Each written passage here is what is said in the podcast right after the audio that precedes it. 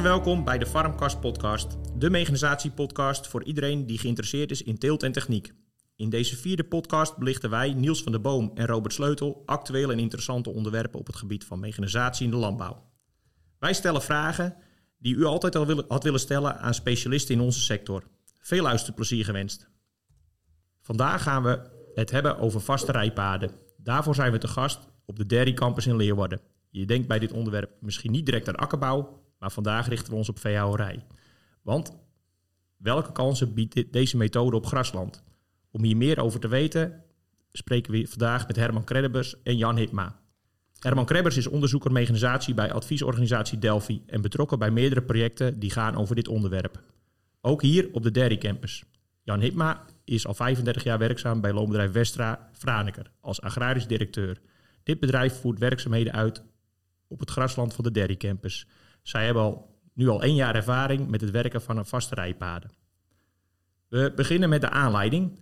Uh, Herman, waarom uh, is hier op de Dairy Campus begonnen met rijpaden voor grasland? Ja, waarom hier op uh, Dairy Campus? Ja, misschien moet je toch eigenlijk even een, een klein stapje nog, nog terug. De aanleiding daarvoor is geweest dat we drie jaar lang demoveld hebben gehad in Flevoland. in zuidelijk Flevoland op de zware klei. En daar uh, kregen we goede resultaten uit in de vergelijking tussen wel en niet rijpaden. We kregen uh, meer grasopbrengst. En vooral uh, bij, bij slechte weer als je dan het land op moet. Dus dat was aanleiding om daar verder naar te kijken. En de aanleiding om dat hier dus op Dairy Campus te doen, dat is in het kader van een, van een PPS. En zei, hoe krijgen we nou meer biodiversiteit op het land? Oftewel meer weidevogels en andere uh, grassen en kruiden. Wat, wat is PPS uh, tussendoor? Dat is een uh, privaat-publieke samenwerking. Dus dat is WUR, die dan zegt ik heb projecten. En dat wordt gedaan samen met bedrijfsleven. En in dit geval met LTO en met leveranciers van machines. En, dus dat is een samenwerkingsverband. Oké. Okay. Uh, daar hebben we een paar bijeenkomsten mee gehad en zeggen hoe is dat nou mogelijk? Want dan moet je eigenlijk zorgen dat uh, de zijkanten van, rond de sloten, dat die eigenlijk niet helemaal mooi opdrogen, maar dat die vogels ook met de snavel de grond in kunnen. En uh, dat je ook een ander grasbestand krijgt. Dat krijg je door het water omhoog te zetten. Dat kun je eigenlijk wel doen, maar dan gaat de draagkracht van de rest van het perceel naar beneden. Nou wil je daar dan toch eigenlijk in de optimale omstandigheden alles doen met uh, bemesten en, uh, en inkuilen. Nou dan moet je dus met technieken aan de gang dat je geen extra rijschade maakt. Nou en dan kom je dus op vaste rijpaden met grote werkbreedtes waarmee je dat zou kunnen voorkomen en aanpakken. En zeg nou dan gaan we dat hier uitproberen in de proef. Leuk. Ja, uh, klinkt me als, als uh, in de breedte als een win-win. Uh, gras is volgens mij ook wel een, een waterminnend gewas. als je het waterpeil verhoogt in de sloten, dan ja, krijg je denk ik gemiddeld wat natter land. En misschien ook wel wat een gunstige klimaat voor, voor gras als je zo de laatste jaren met meer droogte ziet, denk ik. Uh, nou, niet alleen dus gras, maar ook uh, dus biodiversiteit, want daar gaat het dan om. Dat je dus andere soorten krijgt en we krijgen andere grassoorten en we krijgen andere kruidensoorten en ook meer biodiversiteit dus in insectenleven en daardoor weer andere vogels en andere dieren die je de mogelijkheid geeft. Dus dat is eigenlijk toch wel een van de hoofdredenen om het hier zo aan te pakken. Maar dan wel met de combinatie, die zeggen ja, als we dat dan doen, moet niet te veel opbrengst kosten. En dan moeten we de blokken die middenin overblijven, nou, die moeten minimaal eigenlijk wel evenveel gras opbrengen. Ja, ik heb wel eens gelezen dat in een oud onderzoek van PPO, dat uh, misschien wel het onderzoek van destijds in Zuidelijk Flevoland, dat er 11% meer droge stof van vaste rijpaden komt in vergelijking met uh, traditioneel grasoogsten. Is dat ook een beetje de achterliggende rekensom in de hoeveelheid biodiversiteit die jullie hier uh, teruggebracht hebben of, of, langs de zijde van de percelen aangelegd hebben? Nou, ik vind die 11% wel heel hoog, moet ik zeggen. Volgens mij uh, haal je dat nooit in de praktijk. Uh, of je hebt het als vooraf als boer niet helemaal goed gedaan. Dat kan natuurlijk ook, hè? Ja, wat is de referentie? Ja, ja, ja. dus dat is... Uh, want als we dat terugkijken, we hebben dat drie jaar lang gedaan in, in Flevoland. En dat is of goed ontwaterde zware klei. Mm -hmm. Maar daar zaten we gemiddeld zeg maar, op 4, 5 procent meer opbrengst over de jaren heen. Okay. Met enkele uitschieters En dat was dus wel een uh, belangrijk iets. Dat je, zo gauw je dus kort voor het uitrijden van de, de, mest, of kort voor het oogsten van het gras, zeg maar een week ervoor, 10, 15 mm uh, neerslag krijgt. En die toplaag van die klei die wordt uh, mooi zacht en zo. En die rij je daarna dicht. De snede daarop hadden we dan wel 17% meer opbrengst van het vaste rijpadenblok. Dus dat geeft wel wat aan dat dat een essentieel onderdeel is. Hoe rijschadegevoelig is je grond? En dat bepaalt ook de meerwaarde die je kunt verkrijgen in, uh, in toepassing van de techniek. Ja. Is uh, het aanleggen van die percelen dan, kijk, we hebben vorig jaar oogst uh, 21 gehad. Uh, de, die kruidenranden, hebben jullie die al in, in 20 gezaaid? Of uh, is de perceelsindeling hervormd in, in, ook in 21? Of hoe is dat ontstaan? Nee, het grasland wat hier lag, dat is nagenoeg allemaal oude grasland. Dus dat ligt er al een aantal jaren. En uh, dat is dus ook al een aandachtspunt uh, trouwens, want oude grasland heb je meer draagkracht in de zoden. Hè? Ja. Dus, uh, en de randen, daar is wel ja, eigenlijk niet zoveel aan. Bij paardpercelen zijn er echt kruidenranden ingezaaid om te kijken, krijg je dat ook, kun je dat behouden en wordt dat beter daarvan. maar daar doen we nu nog geen specifieke opbrengstmeting, want dat moet eigenlijk eerst ook nog groeien. Hè? Want dan moet je eigenlijk daar ook minimaal bemesten. Uh, moet je eigenlijk ook uh, misschien niet alle sneders maaien. Dus dat is toch ook nog een, uh, een, uitdaging om te vinden hoe je dat goed aanpakt. Dat wordt ook meegenomen in dit onderzoek? Ja, dat wordt meegenomen in dit onderzoek. En ja, dat is wel een belangrijk aandachtspunt natuurlijk, want hier praten we over echt blijvend graslandgebruik. Dus dat is liefst tien jaar of langer je grasland behouden. Terwijl de vergelijking was in, zoals in Flevoland, en zo is dat ook op een paar andere plekken wat meer in het land gebeurt, daar is veel meer wisselbouw. Dus dan heb je bij een veehouderijbedrijf, dan heb je twee, hooguit een keer drie jaar grasland. En dan komt er weer een bouwlandgewas uh, in. Of tulpenbollen, of uh, groentes, of mais, of wat dan ook. Dus je hebt maar drie jaar en dan heb je dus eigenlijk geen zodenopbouw zo goed. Dus vooral dat eerste jaar is het land heel erg gevoelig. En dat was ook de reden dat we daar toen in Flevoland mee begonnen zijn. Maar toen zeiden die boeren, nou, uh, we hebben nou een aantal jaren gehad dat we onder nattere omstandigheden mest moeten rijden en inkuilen. Moet je eens kijken wat de, uh, wat de sporen we zien in het land. Ja. Nou, alles visueel, hè.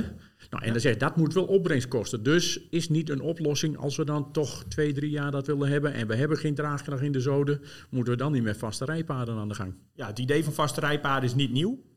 Uh, je zag het in het verleden, is het ook wel wat geprobeerd.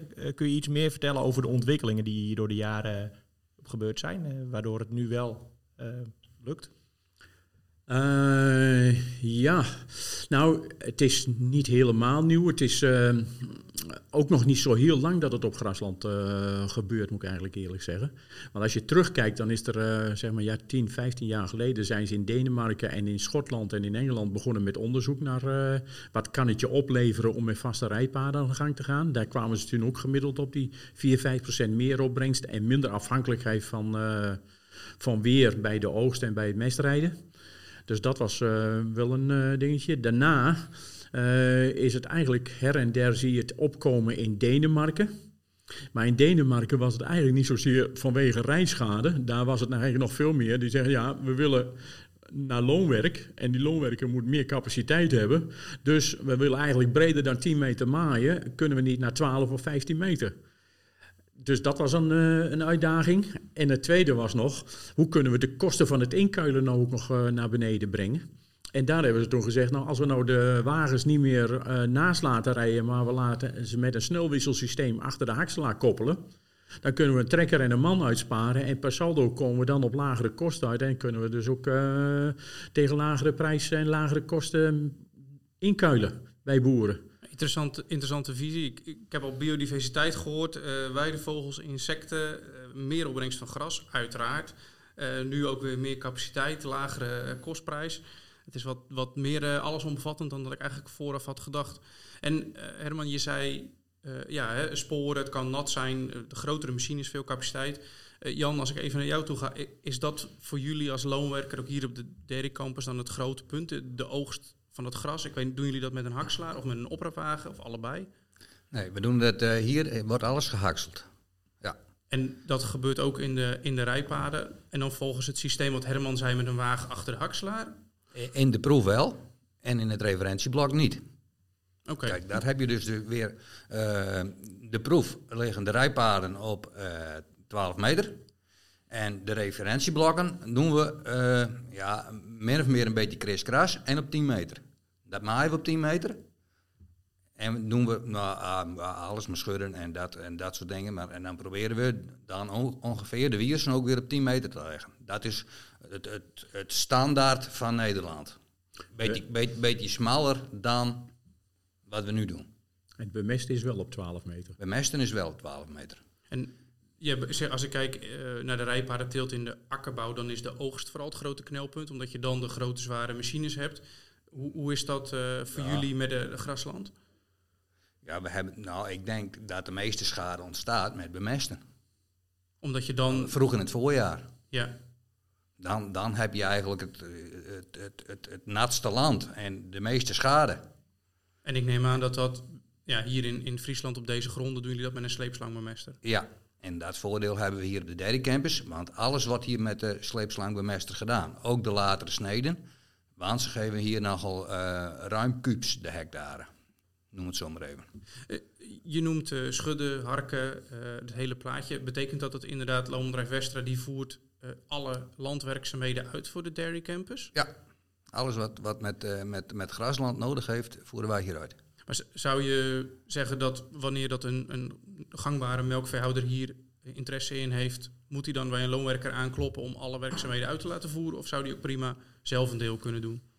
Ik, ik, we krijgen nu natuurlijk ook de vraag van onze klanten van hey, hoe doe je dat en weet ik wat. Ik denk dat je als uh, grote veehouder hier langzaam naartoe moet groeien. Dan kan je zelf ook best nog wat uh, werkzaamheden doen.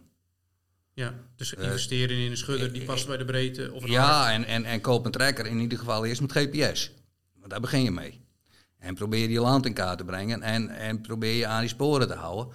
En we moeten dan eigenlijk naar een uniform iets in Nederland van uh, dat, is, dat wordt onze werkbreedte. En dat denk ik op dat op het moment maximaal 12 meter is. Maar dat is te doen. Die machines zijn te koop. Hebben, hebben jullie veel aan moeten passen zelf nog in de werkplaats? Uh, in principe niet, alleen uh, een maaimachine. Een maaimachine van 12 meter, die was niet beschikbaar. Dus dat was even een dingetje om die te krijgen. Maar hoe, hoe hebben jullie dat opgelost? Er, er, is een maaimachine, er was een maaimachine te koop van Kongskilde, van 12 meter. En er is nog ergens een merk en dan, uh, dan is het eigenlijk over.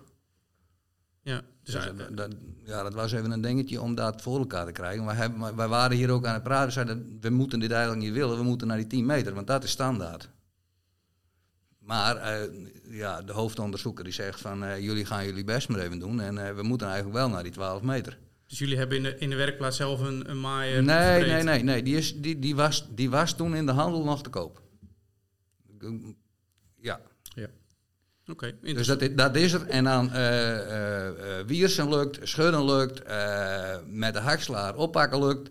En dan in de, in de testblokken doen we de wagen achter de hakslaar. En dat doen we nu nog een beetje uh, provisorisch. Ja, niet provisorisch, maar niet met snelwisselsystemen en dat soort dingen. Nee, nee daarvoor moet het project uh, ja, nog wat Alleen dit project, en het gaat eigenlijk maar, uh, want het project omvat, nou Herman weet het nog beter volgens mij, acht perceeltjes van jou en drie van Jouke? zes percelen met vaste rijpaden. Ja. ja. Dus ja, en, en, dan gaat het om rijpaden van uh, blokjes van uh, vier wiersen en zes wiersen. Ongeveer. En dan hebben we op hetzelfde perceel daar weer een referentieblok naast. En die vierkante meters weten we. En dat gaan die jongens allemaal wegen en uh, toestanden. En... Zie je daar nog door het... Ik kan me voorstellen dat als je een uh, silagewagen omkoppelt van een trekker achter op de hakselaar... Nou, dat kost in dit geval dan wat tijd. Nou, ja, die, die kun je in de proef terugrekenen. Maar dat je doordat je de wagen achter de akslaar hebt, heb je nog meer of minder verliezen juist uh, in vergelijking met de referentie? Of, of is dat gelijk? Nou, hoe bedoel je dat die, die verliezen? Wat, nou, wat, wat je. Met je hakselaar is normaal gesproken, als je inbreekt uh, en je, de pijp staat omhoog en de blaast het naar achteren, dan heeft de wind meer invloed op, op wat je opvangt in je kar. Als je ernaast rijdt, kun je er wat korter bij rijden. denk ik dat de afstand tot de kar vanaf... Ja, dat, dat probleem is er niet. Maar we kunnen niet met de trekker ertussen rijden. Dat hebben we wel geprobeerd natuurlijk. Probeer je met, met, net als in de mais. Maar als je dan wat droog gras hebt, Ja, dan dwarrelt er heel wat langs de wagen en dat wil je eigenlijk in de proef niet zien. Nee, precies. Want dan is die 12 meter verder rijden met je kar is te ver weg. Ja, Ja, en, maar daarachter rijden... erachter rijden met de trekker ertussen is eigenlijk ook te ver weg. Oké, ja. Dus Ja. Je, doordat je de kar aan de haksla koppelt, zie je dat niet als een verliespunt, zeg maar, eh, op efficiëntie of op, op, Nee. op, eh, Nee, op opbrengst. Nee. Nou, goed om te horen. Eh, Ja, dat- Dat- dus, dus daar zit ook nog wel een stukje winst om het snel koppelen, al zou je het grootser uitvoeren als loonbedrijf Vestra, om dat te optimaliseren, zeg maar. ja, over een paar jaar is dat toch ergens iets mogelijk dat we dat wel op, op 12 meter ergens in kunnen blazen. Ja. Of dat we met een overlaadwagen, of weet ik veel wat. Maar ik bedoel, die mechanisatie moet nog wel even een stukje verder. Ja. Jullie werken dus op 12 meter. Eh, wat is jullie eh rijpadbreedte, zeg maar je spoorbreedte van je trekker of je hakselaar? Hoe, hoe wordt die bereden? Met, met wat voor bandbreedte rijden? Wij rijden met, eh, want het gaat even om de breedste band. Ja, En dat is met, eh, met de sleepslang. Die rijdt op een 90 centimeter brede band. En die is buitenwerks 2,95 meter, heel precies. Maar dan komt de hakselaar. En die is juist even breder, want die rijdt op nou, 3,30 meter. ja. Dus dat is eigenlijk je rijpad. Ja en dan vanaf de binnenkant is hij eh, bijvoorbeeld 1,80. Wat er nog tussen de, tussen de banden van de trekker of de hakselaar ligt. 1,60. 1,60, ja precies. Ja. Daar is nog wel meer over te vertellen, ja. Ja, ik, Ja. Dat, daar wou ik even op ingaan. eh, misschien had ik de vraag even anders moeten stellen. Ja, wa- wat verlies je daar of hoe zie je dat dat rijpad bereden wordt? Hoe, hoe, hoe blijft dat achter? Groeit daar gras? Ja, Wordt groeit gras. spoor? En soms groeit er zelfs wel meer. Dan, dan lijkt het even groener. Dat komt omdat het dan, dat, maar dat zit hem in de vochthuishouding. Hij lijkt even groener. Als je, als je, als je het net gemaaid hebt, hé. hey, want dat is, ja, moet je natuurlijk zien en foto's, en, eh, want dat kunnen we hier niet doen. Maar dan, dan, dan komt dat er heel duidelijk uit. Alleen, eh, je versmeert meer en je, eh, het gras wordt ook kapot gereden dat dit even begint te bloeden. Dus je hebt daar duidelijk aan het eind, zie je daar een trapje in, dat je rijsporen minder staat dan daar waar je niet gereden hebt. Ja. Dus je hebt eh, daadwerkelijk, kan je de, de, de paden er nu, als, ik denk Herman, ik ben er nu even een paar maanden niet geweest, denk ik, twee maanden. Maar je ziet nu de paden nog. ja. Maar dat is nu hier. En daarom is het goed om nog wat over te vertellen, denk ik, over... eh, want eh, als je zo ziet, we hebben dat dus die eerste drie jaar gedaan bij, bij Joep den Brok. En als ik daar in het derde jaar, de laatste snede, als ik dan de rijpaden waar je moest rijden, niet met een eh, verf op het kavelpad had aangetekend, had je de rijpaden niet teruggevonden. Dus als het gewoon droog weer is, dan valt het heel erg mee. Gelukkig hebben we afgelopen jaar, 2021, verschillende keren flink neerslag gehad voor het eh, oogsten. Nou, en dan krijg je dus veel meer eh, dat het te zien is.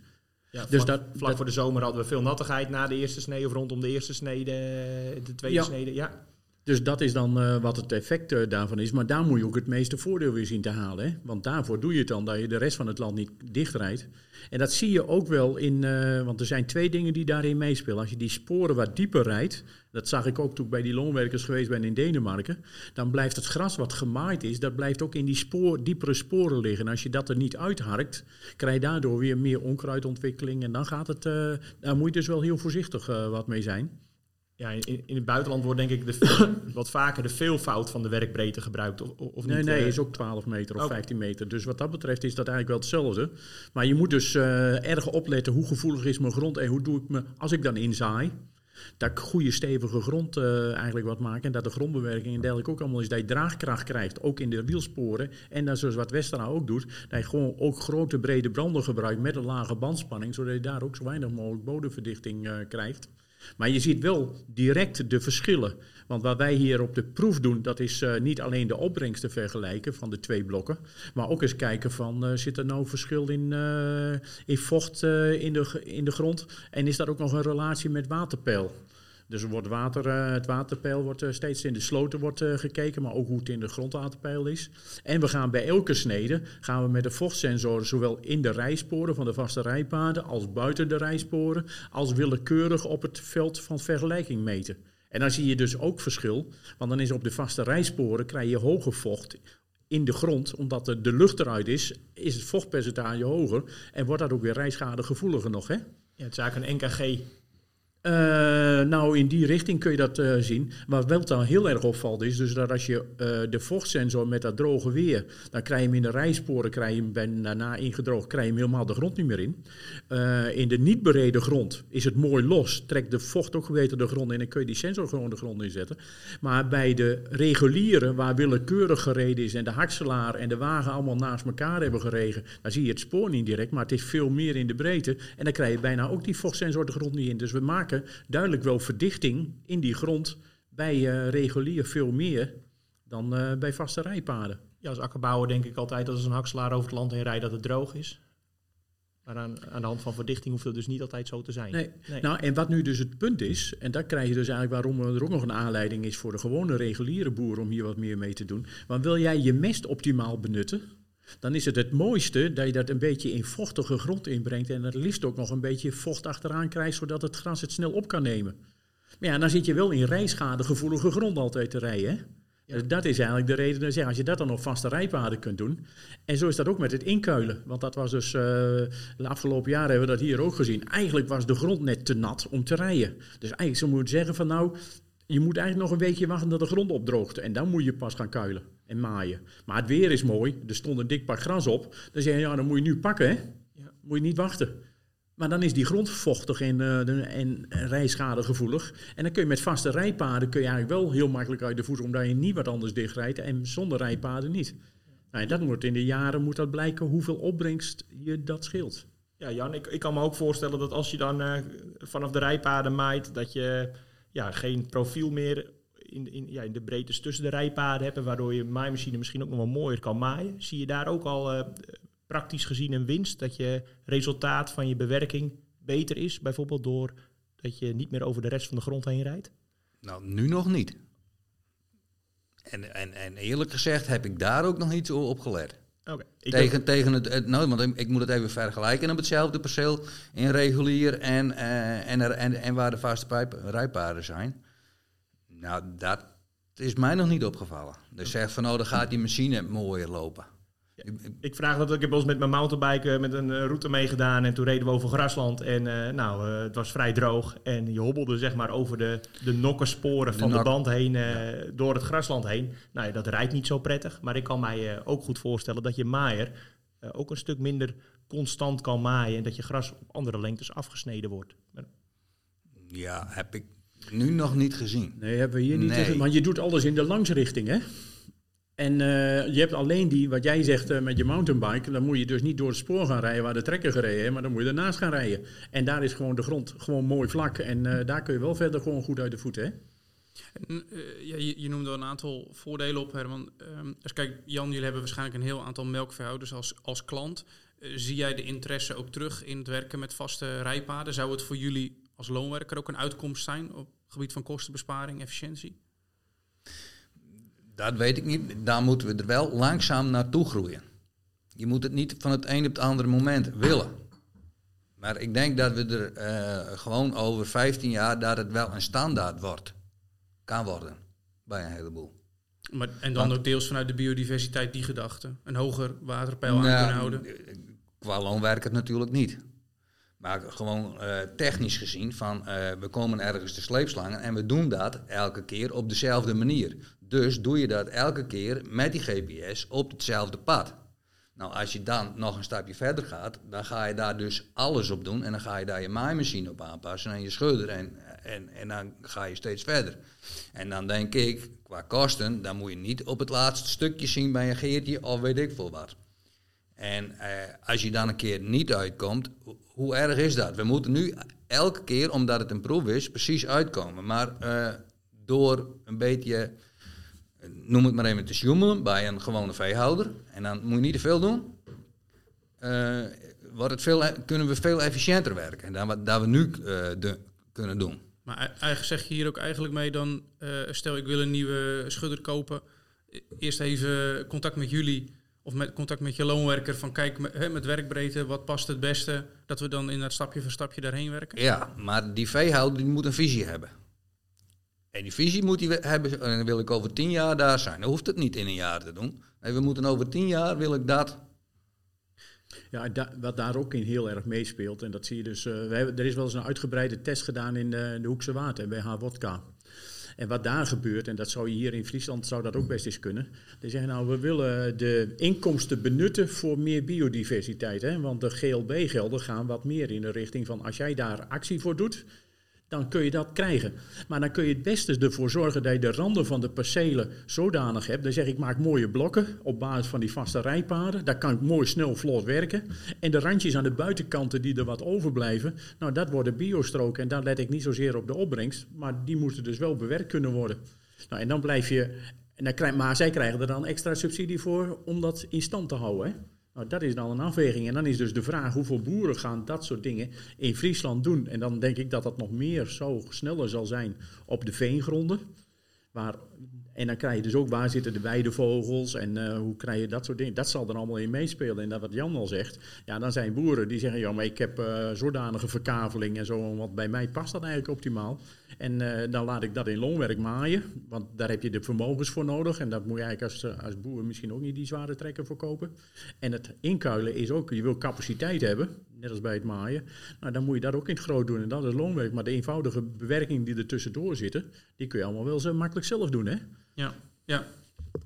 Ik hoor hier eh, eigenlijk eh, Hoekse Water, dat was destijds chaos hè, om perceelsplanning eh, te doen. Dat is denk ik hier ook aan de orde. Je zult ook een perceelsplanning of een rijpadplanning moeten maken. Wie beheert dat? Eh, beheer- hier beheren jullie dat als loonwerker zijnde, maar hoe zie je dat zeg maar, bij gewone veehouders in de toekomst? Eh, moeten ze het zelf beheren of eh, is de loonwerker verantwoordelijk voor de rijpadplanning van de boer? Ja, nou, dat is natuurlijk belangrijk van wie doet de meeste bewerkingen. En eh, wie heeft wat voor machines. En ik denk, eh, als je gaat sleepslang bemesten, dat dat nog niet echt voor een, een boer is weggelegd. Tenzij hij wil eh, gaan rijden met een tank met een bemester van 12 meter breed. En dat is ook geen optie, denk ik nog. Wel misschien een latere snede, maar niet dat je eh, 35 kuub ergens de hectare wilt uitrijden. Want dan, kan je da- dan is de sleepstang toch wel een hele mooie optie. Ja, dan denk ik dat dat bij de loonwerker komt te liggen. Maar we kunnen alles, eh, eh, bijna alle lijnen, onder elkaar uitwisselen. Gaat gewoon door de lucht, niks mis mee en het klopt. Dus het maakt niet uit wie de lijnen erin gaat maken. En als ze het een beetje met elkaar eh, doen, en eh, de, de Trimbles en de John en Farmside, en die zijn het allemaal een beetje met elkaar eens. eh, Raven natuurlijk, of Reven natuurlijk. eh, en we kunnen dat door de lucht uitwisselen, is er helemaal niks mis mee. En eh, ik hoorde Herman zeggen, vond ik wel een mooie, van ik, ik heb op het eh kavelpad gewoon geschilderd waar dat het rijspoor eh, ligt. Hoe- doe jij dat? ben je nu in de winter, in deze periode, bezig om, om een planning te maken om ervoor te zorgen dat die lijnen allemaal kloppen en dat het allemaal uitwisselbaar is? Nee hoor, dat staat allemaal in de trekkers en dat, dat redt hem. Die jongens die weten waar ze moeten rijden, dat, maar daar, eh, in dit geval eh, regelt Farmsite daar een heleboel eh, voor ons in. En die maakt gekleurde blokjes en weet ik veel wat, waar de jongens allemaal moeten rijden. En dit ligt in de proef en dat ligt niet in de proef. En Farmsite, dat is een, een computerprogramma die je helpt bij het intekenen van lijnen? Ja, dat is eigenlijk de, de, de GPS van John Deere. Oké. En dat, ja, dat, dus, En, en, da- en, da- en, en achter dat hele verhaal, dat noemen ze bij John Deere, Farmsite, daar zit een groep mensen en die is daar druk mee bezig. Ja, wat we dus eh, nu dan wel krijgen, dat is eh, dus dat we- wij hebben de blokken wat ingetekend. En dan moeten we exact de, op, de oppervlakte van de blokken weten. Want we wegen hoeveel er afkomt. Maar wil je de opbrengst hebben per hectare en vergelijken, dan moet je dus de oppervlaktes precies goed hebben. Nou, daarom is dus dit ook wat ingewikkelder, omdat we op, eh, op elk perceel, dus we hebben voor de vergelijking van rijpaden hebben we zes percelen. Drie percelen met hoogwater, drie percelen met laag slootpeil. En op elk perceel liggen twee blokken. Eentje CTF noemen wij het eh, vaste rijpaden en eentje regulier. Nou, je moet precies die oppervlaktes weten en daar gaan we op rijden. De de randen eromheen, dat is nu eigenlijk nog eh, vooral ballast en eh, dat het de proef en de vergelijking van de opbrengsten niet, eh, niet is. Maar wat je wel moet hebben is dat je zegt, ik heb hier gereden met de bemester, ik heb hier gereden met de maaier. Nou, je wil diezelfde sporen aanhouden als boer, zou je dat kunnen doen met je harken en, en je schudden. Hier wordt alles geharkt en geschud door, door Westra ook. En dan worden de lijnen overgezet Dus ook van de John Deere bijvoorbeeld naar de staaiertrekker die dan eh, voor, de, voor de schudder eh, staat. Nou, daar moet je dus als veehouder zo straks dan wel wat eh, voor hebben. Dat je zegt, ik heb een systeem van RTK, GPS, dat ik die lijnen over kan nemen. Dus dat overnemen van dingen, dat wordt wel heel essentieel voor vaste rijpaden, waarbij er meerdere uitvoerders op het land komen. En ik weet niet, Jan, he- heb jij die Nexat-machine gezien op internet voorbij zien komen? Ook een eh, eh, machine uit de Oekraïne, er zijn wat Nederlanders bij betrokken. En die werkt op 12 meter. En dat is dan voor het, eh, het oogsten van gewassen. Die rijdt op smalle rupsjes. En ja, omdat hij de machine ook over de hele breedte is, heeft hij een vrij grote bunker en een vrij, vrij groot systeem. Denk je dat in de, in de toekomst, misschien voor jullie als loonwerker, echt specifieke machines daar geschikt voor zouden zijn? Of zeg je van nou, we kunnen het veel beter gewoon met de standaard mechanisatie doen? Nou, ik ben, ik ben zelf wel heel voor standaard. Omdat wij ook, eh, nu zitten we in deze hoek van Friesland en dan eh, eh, 25 kilometer verderop. En eh, dat moet allemaal even over de weg. Dus dat lijkt mij voor Grasland sowieso eh, een moeilijk verhaal. Ja, ja want de investeringen die jullie tot nu toe hebben hoeven doen, ja, je vertelde dan die maaimachine, maar verder zijn die redelijk gering geweest. Jullie hadden voor een groot deel het machinepark al staan. Ja, ja, klopt. En ik denk ook dat we daar een beetje, we moeten niet al te ingewikkeld. Alleen die mechanisatie moet nog wel even een stukje verder. Want we moeten, er moeten wat meer maaimachines komen van 12 meter. En eh, we moeten op een of andere manier volgens mij nog iets met een hakselaar die dan dat ook weer ergens op zijn plek kan krijgen over 12 meter. Of met een, een, een, een, een simpel kappelsysteem. Maar wij, zijn, wij zitten hier vrij veel perceeltjes. En eh, dan even hier en dan even daar. En dat koppelen van, van, van wagens, dat zie ik zelf nog niet zo zitten. Maar dat is persoonlijk. Maar vooral zoals wij werken, moet gewoon die trekker moet rijden en eh, af en aan. Ja, dus die efficiëntie die Herman in het begin noemde, die wat een beetje uit Denemarken kwam, ja, dat gaat in ieder geval voor, voor nu in het huidige systeem voor jullie nog niet, eh, niet op. Het is niet dat je in één keer meer hectares of minder uren kwijt bent. Nee, ja, nu, nu in ieder geval, nu als je dit ziet met omkoppelen, eh, dat, dat gaat helemaal niet lukken. Maar die jongens die moeten eigenlijk gewoon op die trekker blijven rijden. Want die wagen die zit in, in, in, in een mum van tijd zit die vol. En dan ga je dan weer omkoppelen. Kost altijd tijd. Misschien wel goed om dan te vertellen, we zijn nu natuurlijk bezig in een proef. Hè? Dus wat, eh wat Westra nu doet, is eigenlijk zorgen dat hij de faciliteiten levert, zodat we in de proef het kunnen doen. En dat is anders dan eh, zeg ik, ik ga helemaal inspelen op de praktijk. Want eh, het eerste natuurlijk wat er eigenlijk wat is, is eh, nou met dat maaien kun je wel makkelijk in de grote richting. Maar met het, eh, het hakselen bijvoorbeeld, ja, als ik dan in Denemarken zie, daar gebruiken ze zo'n snelkoppelsysteem. Ja, dan heb je binnen een minuut heb je je wagen omgekoppeld, hè. Dat gaat er allemaal makkelijk. En als je dan wat langere stukken hebt, dan gaat het ook allemaal. Als je kijkt van hoe dat in, bijvoorbeeld in Flevoland hebben we er ook naar gekeken. Ja, dan heb je allemaal percelen van 300 meter. En als je daar de wagen achter koppelt en je zorgt dat er zo'n kap overheen zit, dus dat het niet allemaal wegwaait, dan kun je net mooi op en neer en heb je je wagen vol bij zeg maar 4000, eh 4500 kilo droge stof per hectare. Nou, dan past dat. Maar als je daar percelen heeft van 600 meter breed, dan krijg je ook veel meer rijdingen over het veld. Nou, dan moet je daarop inspelen. Nou, dat zie je in Denemarken, deden ze dat door te zeggen, nou, we hebben lange percelen. Dus de wagen leeg met de trekker, die rijdt gewoon in hetzelfde spoor achter de hakselaar aan. En eh, als de hakselaar zegt, ik heb die wagen vol, nou, dan zet hij de wagen ernaast. De hakselaar die koppelt af en die koppelt de lege wagen aan. En de trekker die rijdt, die koppelt de volle wagen aan en rijdt achter de hakselaar aan eh, om eh, te lossen. Dus dat is een werkwijze, maar dat moet wel passen bij de percelen. Nou, en dan is het hier heel hier? anders dan daar. Hoe doen jullie dat, eh, dat hier, Jan? eh, dat omkoppelen hebben jullie in het veld niks mee te maken. Je kunt met de hakselaar altijd rondrijden of rijden Ja, ja. En, eh, en, en meestal komt het uit en anders doen we er wat minder in. Maar als je echt eh, regulier aan de gang bent, dan wil je die wagen wel vol. Die doe je niet half vol. Dus dan, moet, dan krijg je ook weer een omkoppelmomentje in het veld. Dus dan, moet je, dan, dan, moet je, da- dan krijg je daar ook weer, eh, zou je daar in principe ook weer rijschade krijgen. Axelaar moet er achter vandaan en dan moet het allemaal weer kloppen. En, en, en, nou, Eigenlijk je werkbreedte of je, je rijpadbreedte is deels misschien wel afhankelijk van je perceelslengte. Want als Ja. je vrij lange percelen hebt, kun je misschien beter wat smaller gaan zitten, dat je eh, precies aan het einde vol bent. Ja, en, en, maar je hebt ook nog, een eerste snede brengt meer op dan een vierde snede, een vijfde snede. Dus ja, dat, volgens mij krijg je dat niet helemaal kloppend. En wat dan natuurlijk die werkbreedte is van die paden, of je dat nou op 10 meter legt, of op 9 meter, op 12 meter, of op 15 meter, waar je in Denemarken ook al verschillende keer ziet. Hoe minder sporen je hebt, hoe minder uh, rijschade je ook maakt en hoeveel minder uh, procentueel oppervlakte je bereidt en je opbrengstverlies hebt. Ja. Dus daarom is dat zoeken naar, de, naar het optimum. Hè? En je, je houdt dan een aantal keer de proeven aan die in Zeewolde zijn, uh, zijn gedaan. Um, nou, je zei terecht, daar heb je vaak een, een rotatie, uh, zit wat dichter op elkaar met verschillende gewassen. Zou dat nog een optie zijn dat je zegt van nou misschien moeten we het wel in stroken gaan combineren met gras en mais en een, en een eiwitteelt ook voor biodiversiteit? Dat je dan wel met vaste rijpaden een beetje meer het strokenteeltprincipe van de akkerbouw?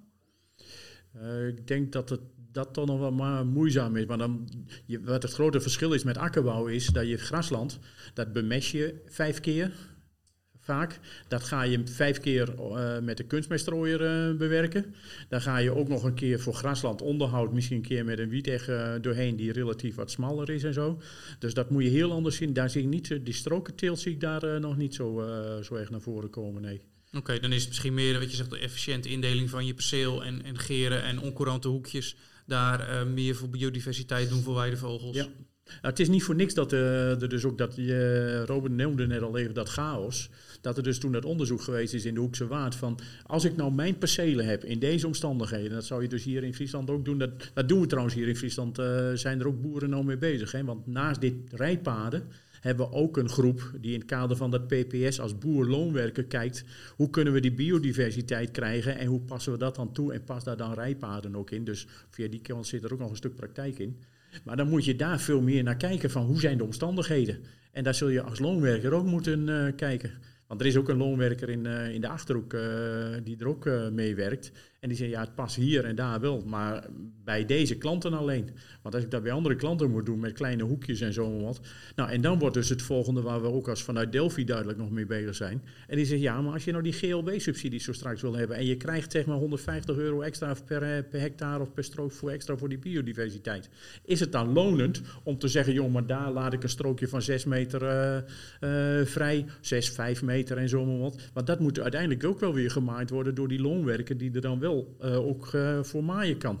Nou, dat zie je wat we hier gedaan hebben uh, met de Big M en zo. Wat. Nou, het is makkelijk even een kant opklappen en dan heb je een werkbreedte die ook daar weer bij past. Hè? Ja. ja. Ik denk dat het, eigenlijk komt het net als in de akkerbouw bij rijpaden neer. De, als ik het zo een beetje hoor, de rijpadplanning, die besteden jullie dan deels uit aan, aan de John leverancier met Farmsite. Nou, dat, dat is denk ik een prima manier om je lijnen te beheren. Alleen de vraag is even eh, in de uitvoering denk ik dat het belangrijk is dat, uh, dat degene die het land bezit, eigenlijk de lijnen beheert. Want dat zie je bij de akkerbouw ook. Dat loonwerkers gemiddeld toch wel wat moeite hebben op dat ze moeten zaaien en er staat wat tijdsdruk op of moeten bemesten. Dat ja, de lijnen wel exact moeten kloppen en dat het vaak wat gedoe is om, om lijnen op te zoeken. Ehm, nu heb je daar hier bij de derde campus in een proefperiode ook denk ik de tijd voor en wordt je die ook gegund. Maar gemiddeld staat natuurlijk wat meer druk op die efficiëntie. Nou, dat is bij, eigenlijk bij het hakselen ook op het moment dat je die wagens omwisselt, dan voelt dat als nou, tijdsverlies. Um, ik denk dat het, als je het weer ziet in de tijdswinst met minder personeel, dat, het, dat je de winst er ook weer, weer van terug ziet. Zien we daarnaast nog andere knelpunten zo na één jaar op de derde campus uh, met rijpaden? Nou, of het een knelpunt is, is een leerpunt wat jij aangeeft.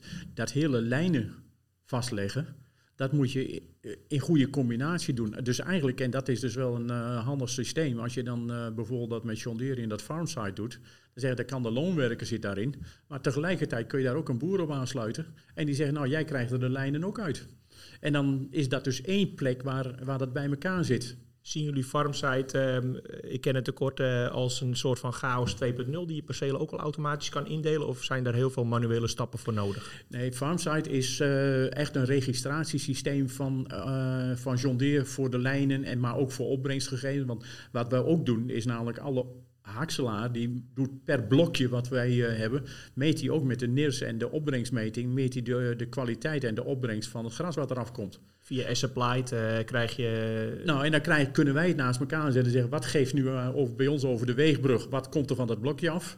Kunnen wij het ook makkelijk nu vergelijken, wat geeft de hakselaar aan dat er aan gras afkomt? En wat zijn de eiwitgehaltes? En klopt dat ook? Dus er zit eigenlijk ook nog wat in verweven van de gegevens die we dus uit een hakselaar krijgen en zo wat. Is dat bruikbaar en betrouwbaar en zo wat uh, daar ook bij? En dat moet je eigenlijk op één plek bij elkaar brengen, dat een boer en een adviseur eventueel die helpt en een loonwerker, of dat een loonwerker ook een adviseur heeft die daarbij zit en farmsite, dat je met elkaar zegt van uh, ik heb dat bij elkaar en ik weet er snel en makkelijk mee om te gaan. En dan moet je niet te veel technische kennis voor hebben. Dat je zegt van jongens, ik moet het allemaal uh, tot in de puntjes weten. Van, uh, want dan gaat het nooit worden. Hè? Nee, maar de, nee. de stappen voor is wel uh, bij de planning. Heb je nog steeds wel. nou ja, op je perceelsindeling kan me zeker voorstellen in Friesland. Waarbij de percelen niet zoals in de polder mooi recht en vierkant zijn. Dat je berekent van nou, waar liggen mijn, ja, mijn meest inefficiënte ruimtes. En waar ligt mijn meeste efficiëntie. Dat het in de, in de startfase wel heel belangrijk is om de basis te leggen voor je rijpaden. Nou ja, dat ja. maak je dus als loonwerker. Die zegt van ik heb de werkbreedte van de machines zijn zo en waar leg ik nou die paden neer? Het handigste is denk ik als je dat van biodiversiteit ziet en je zet het waterpeil in de sloot omhoog. Nou, dat je een beetje zorgt dat je aan beide kanten evenveel hebt, zodat je een strook overhoudt niet aan de ene kant van 50 centimeter en aan de andere kant van 6 meter. Maar je zegt nou, dat leg ik dat blok er eigenlijk een mooi beetje middenin. En dan heb ik ook de minste risico van draagkracht. En dan kan ik als loonwerker denk ik ook het makkelijkste werk, of niet Jan? Ja, maar toen wij hier begonnen, Herman, toen, hadden wij, toen dachten wij even, we gaan dit even van tevoren even de rijpaden erin leggen. En dan gaan we dan de trekkers daar wel op laten rijden. En dat verhaal klopte niet helemaal op elkaar. Uh, wij begonnen hier in één keer, uh, ja, de vaste mest moest erop. Oh, maar ja, dan komen we ook op die blokken waar die, waar die rijpaden liggen. En dan, oh ja, en dan dit. En dan, ja, dat ging nog wel even. En dan op een gegeven moment hadden we de rijpaden met de vaste mestrooiers erin liggen. En toen kwamen we toch met de sleepslangbemester, die eigenlijk leidend wordt. Want die, die, die legt die slang vanaf één kant. Dus die, die, die wordt leidend, dat het wel eens even 30 centimeter wel verschillen. Op het eind van het perceel. Nou, bij één perceel. En ja, dat was eigenlijk. Dus ja. eigenlijk ging het nog redelijk goed. Ja. Maar eigenlijk moet je de eerste keer gewoon inrijden met, met een brede machine. En dan heb je die lijn en daar moet je houden. Ja. Wat, wat is nu het grootste knelpunt nog voor jullie als, als loonwerker? Wat zou je nog graag opgelost zien of verbeterd? Nou, we, we hebben uh, een maand terug hebben we overleg gehad. En het gaat eigenlijk uh, ontzettend goed. En wij hebben natuurlijk met proeven nodig. En daar moet je als loonwerker aan, uh, aan wennen. Dat je even kalmer aan moet. Wij willen, hup, Herman zegt ook, oh, dan komt hij weer in het, in het blauwe busje en dan spa, spaten die jongens, want dan staan ze met die jongens te praten. En die spaten in de trekker, vandaar dan komt hij aan, dan moet er weer wat gebeuren. Dus dat is wel even een, een dingetje. En voor mij ook natuurlijk. Maar het, het denken hier is veel anders dan uh, regulier. Ja. ja wat essentieel is ook uh, bijvoorbeeld voor dat onderzoek, dat je al die, die namen er precies goed in hebt. En dat de chauffeur op de hakselaar zegt, ik ga nou uh, perceel F4 blok regulier ga ik hakselen. Nou, dan komt hij, ziet hij dat mooi op zijn schermpje. En wij hebben dat ingetekend samen. En dan gaat hij op zijn schermpje dat zien. Maar hij moet wel intekenen, inklikken van dit is blokje F4 CTF. Of regulier. En als hij dat niet doet, nou, dan zou dus de volgende stap nog zijn, ja, hij kan toch zien waar hij is op GPS en dan gaat hij automatisch daarin schakelen, maar dat soort dingen zitten dus nu nog niet in. Nee, dat dus het mooiste zou nog zijn dat dit soort dingen allemaal automatisch uh, gaan. Dat je zegt, nou, ik heb een blok één keer ingetekend, een pad één keer ingetekend en zo, zo is dat bij grasland natuurlijk wel meer dan bij akkerbouw nog. Van die zeggen, nou, ik ga, uh, het is blijvend grasland, dus dat blijft tien jaar hetzelfde spoor, hè. Daar heb je dat één keer in te tekenen. Daar hebben jullie natuurlijk nu, nu met die proef extra mee te maken. In de praktijk uh, zal dat misschien iets, iets gemakkelijker zijn. De resultaten hier uit de proeven, hoeveel jaar duurt dit nog? En kunnen mensen dat ook ergens terugvinden, lezen? Komen daar bijeenkomsten van? Uh, we hebben nu een testjaar eigenlijk, zo hebben we het gezien uh, gehad. Nou, daar komen de eerste resultaten. Maar dat, ik denk voordat je dit naar buiten brengt, want anders gaan getallen ook een eigen leven leiden. gaat dit drie jaar duren. Dus we hebben 2021 gehad, 22 en 23. Wat we wel van plan zijn om komend jaar in juni bijvoorbeeld een open dag nog te houden. Dat was afgelopen jaar ook gepland, maar door corona is dat niet doorgegaan. En we dan zeggen van nou, uh, waar de eerste resultaten en daarmee je in het veld kunt zien hoe het gaat. Ja. Dus dat is ook samen met. Uh, oh, er is wel een uh, dag geweest nog om te kijken. En daar hebben jullie ook uh, gestaan natuurlijk. Ja, we hebben hier een open dag gehad op de Derry Campus. Ja. Maar dat was niet specifiek op de rijpaden gericht. Nee, dat was gewoon een open dag, Derry Campus algemeen. Ja. Ja, oké. Nou, ik denk dat de, dat de interesse er zeker is. We zeiden al, in de, in de akkerbouw is het misschien wel wat meer gemeengoed. Maar om meerdere redenen die, eh, die allemaal voorbij zijn gekomen in de melkveehouderij eh, wellicht ook wel. Herman, ik, eh, ik wil je hartelijk danken voor alle informatie over dit project. En natuurlijk Jan ook bedankt voor jouw verhaal vanuit de loonwerkerskant. Ik denk ook zeer interessant voor loonwerkers die misschien meeluisteren. En daar wel kansen zien om hun bedrijf ja, een, uniek stukje dienstverlening aan te kunnen bieden. Bedankt allebei dat jullie hieraan eh, deel wilden nemen. En eh, nou ja, ik ben heel benieuwd hoe het verder gaat in het project. Ja, Misschien nog ook- een kleine aanvulling. Je zegt van is het te vinden? We- Er is eh, wel een website. Komt er, en daar staan de, de documentatie op en wat we doen en foto's en video en, eh, en alles. Dus degene die er wat meer over wil weten, die moet dan, eh, dan zoeken op eh, de website en dan naar de PPS eh, eh, meer biodiversiteit met rijpaden. Herman, zou iedere melkveehouder dit in overweging moeten nemen? Eh, ja, ik denk wel in overweging. Want eh, ja, aan de ene kant hebben we het nu gehad over biodiversiteit. Maar wat komt er op de veehouder eigenlijk af? Dat is in ieder geval eh, dat we zeggen, nou we zitten met de gebruiksnormen voor, voor mest. Het tweede is, als je meer voer van eigen bedrijf hebt, dat is, komt overal naar voren, dat verbetert je rendement. Dus meer voer van eigen bedrijf, hogere kwaliteit ruwvoer van eigen bedrijf. Nou, dat zijn allemaal redenen om te zeggen van met vaste rijpaden kun je dat allemaal strakker en beter sturen. En komt dat het bedrijfsrendement te goed, ten goede. Dus daarom is het dus ook zo belangrijk dat we nu hier informatie krijgen op het onderzoek en uit de praktijk. Is dat ook zo en wat is daarin te halen? Als ik, als ik geen machineboer ben die, die veel heeft met trekkers, maar vooral in, in de stal bezig ben, is het dan ook iets voor mij? Ja, ik denk vooral. Want daar moet het rendement vandaan komen. Of uit de biodiversiteit of uit betere benutting van mest en hol en beter ruwvoer. Oké, duidelijk. Nou ja, en wat je zegt, misschien dat ook de wetgeving uiteindelijk wel eh, daarin deelsturend kan zijn, waardoor het aantrekkelijker wordt. Ja, binnen de gebruiksnormen die er dan zijn, is het eh, het optimaliseren. En dat wordt de uitdaging voor de veehouderij van de toekomst. Leuk dat je luisterde naar de Farmcast podcast. We zijn erg benieuwd wat je hiervan vond. Ook ontvangen we graag tips en ideeën voor toekomstige afleveringen. Je kunt reageren via farmcast.farmmedia.nl of via Facebook of Twitter. Alle Farmcast podcasts kun je vinden in de Spotify en Apple podcast en farmcast.nl. Tot de volgende podcast.